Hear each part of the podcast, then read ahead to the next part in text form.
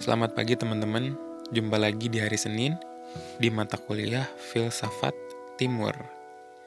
Namun, pertemuan kali ini akan agak sedikit berbeda. Karena apa? Karena tidak sebagaimana pembahasan atau pertemuan sebelumnya yang menyajikan materi secara panjang lebar. Untuk pertemuan kali ini, saya akan sengaja menyodorkan materi tidak begitu detail karena saya harap kita akan melakukan hal itu, yakni mendetilkan informasi dan menyajikan materi lebih lengkap di dalam sesi dialog. Dan mungkin teman-teman pun bakal merasa ketika membaca atau mendengar atau menonton video tentang materi pertemuan kali ini akan terasa singkat dan barangkali terlalu pendek. Tapi itu sengaja disajikan supaya teman-teman bisa lebih aktif. Terlepas daripada itu, mari kita mulai. Di tengah pandemi COVID-19 ini, pernahkah terlintas di benak teman-teman pikiran macam ini? Apakah virus ini hadir karena kita telah melakukan suatu hal yang buruk pada alam, sehingga alam melakukan pembalasan dendam pada manusia? Karena alam berada dalam keadaan tidak seimbang akibat aktivitas manusia, maka alam pun mencoba merehabilitasi dirinya atau mencoba mengembalikan posisinya pada titik equilibrium atau dalam bahasa lain titik keseimbangan. Tapi mengapa alam ini menjadi tak seimbang? Aktivitas manakah yang membuat alam menjadi sakit dan akhirnya membalas dendam pada kita?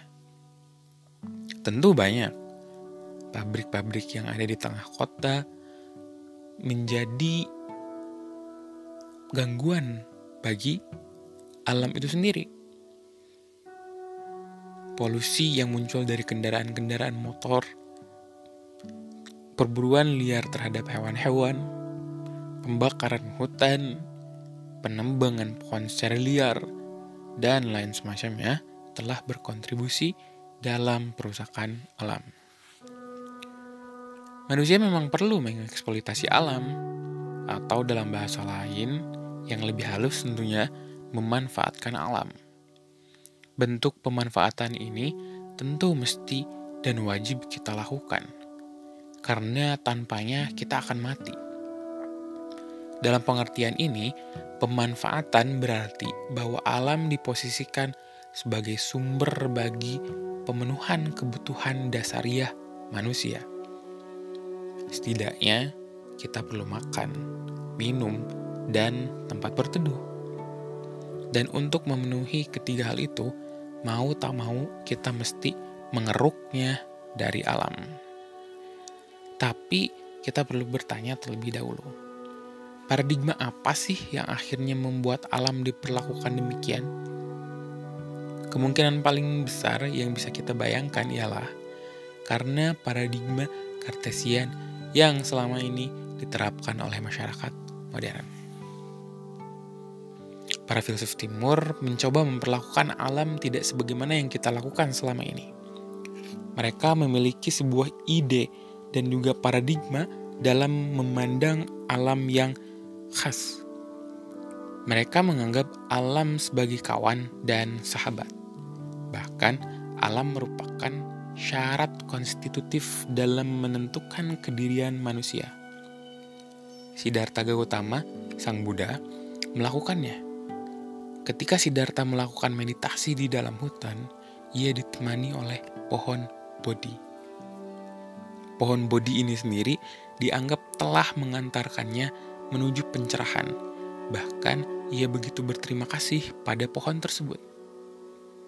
Siddhartha sendiri pun adalah seorang pelindung hewan. Ia sendiri membenci praktik atau ritual pengorbanan yang dilakukan oleh masyarakat India.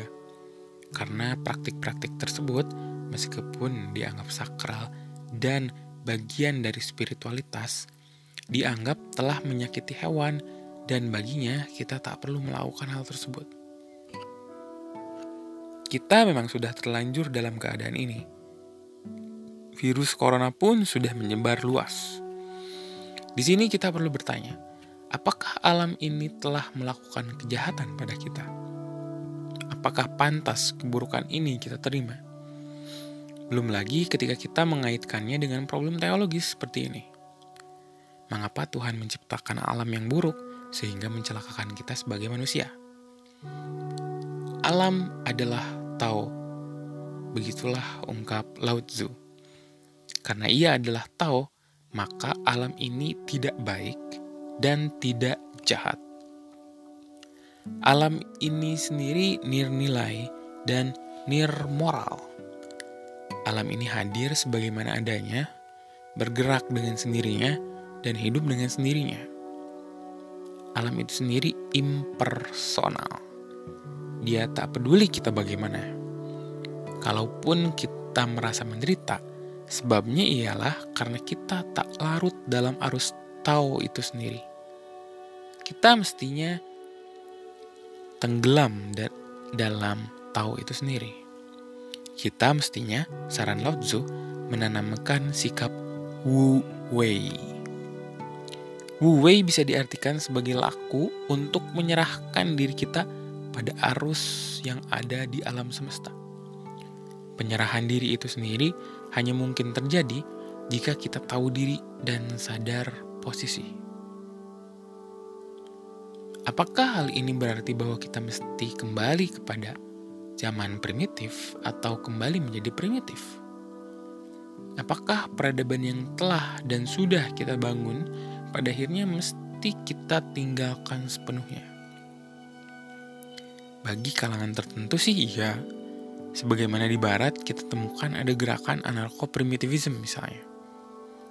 Tapi bagi kalangan lain, kita tak perlu melakukan hal itu. Karena upaya ke sana pun rasa-rasanya hanyalah utopia belaka. Selayaknya, kita mesti ingat kembali pada dimensi yang telah hilang di dalam peredaran peradaban kita, yakni dimensi etiko-spiritual yang tentu saja mesti meliputi segala aspek yang ada di dalam kehidupan kita. Oke, mungkin teman-teman itulah pantikan materi hari ini. Saya harap teman-teman bisa mengajukan berbagai macam pertanyaan karena saya kira banyak sekali yang mesti dipertanyakan dan juga yang mesti ditanggapi oleh teman-teman. Dan sudah sepatutnya dan sudah selayaknya kita akan melakukan hal itu di dalam forum atau sesi dialog yang sekali lagi akan dilaksanakan di Spoon atau Google Classroom. Oke, sampai sini cukupkan demikian saja. Seperti biasa, renungkan terlebih dahulu, pikirkan lebih dalam, dan kemudian tanggapi. Thank you.